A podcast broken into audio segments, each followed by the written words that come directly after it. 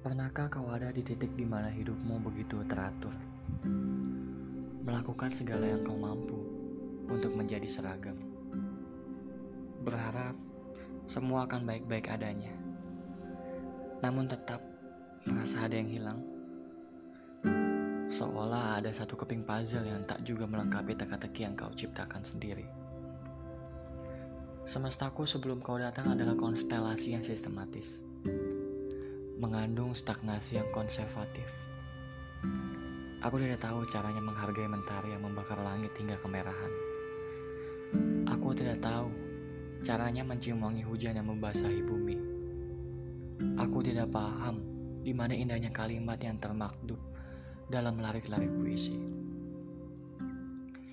Malam-malamku hanya berisi kumpulan tugas yang harus aku bagi dengan jam tidurku. Dan pagi-pagiku hanyalah repetisi membosankan untuk mengenyangkan logikaku. Aku lupa bahwa bintang pun bernyawa, hutan pun bernafas, dan kita diciptakan untuk melakukan hal-hal yang lebih besar dari sekedar rutinitas harian. Aku lupa bahwa kita semua terkoneksi, bahwa cinta sepatutnya menjadi bahan bakar agar kita tetap melangkah.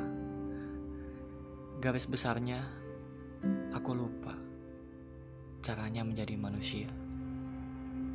Dan kemudian kamu datang. Kau menjadi seseorang yang memorak-morandakan jagat rayaku. Dengan cara yang termanis, kau memintaku untuk merasakan dan mensyukuri segala hal yang cepat atau lambat akan berakhir. Maka, izinkanlah aku menulis untukmu Meski aku tidak tahu apakah surat ini akan tiba di sisi ranjangmu. Aku hanya terdampar di bentang ufuk. Izinkan aku mengabadikan perjalanan kita.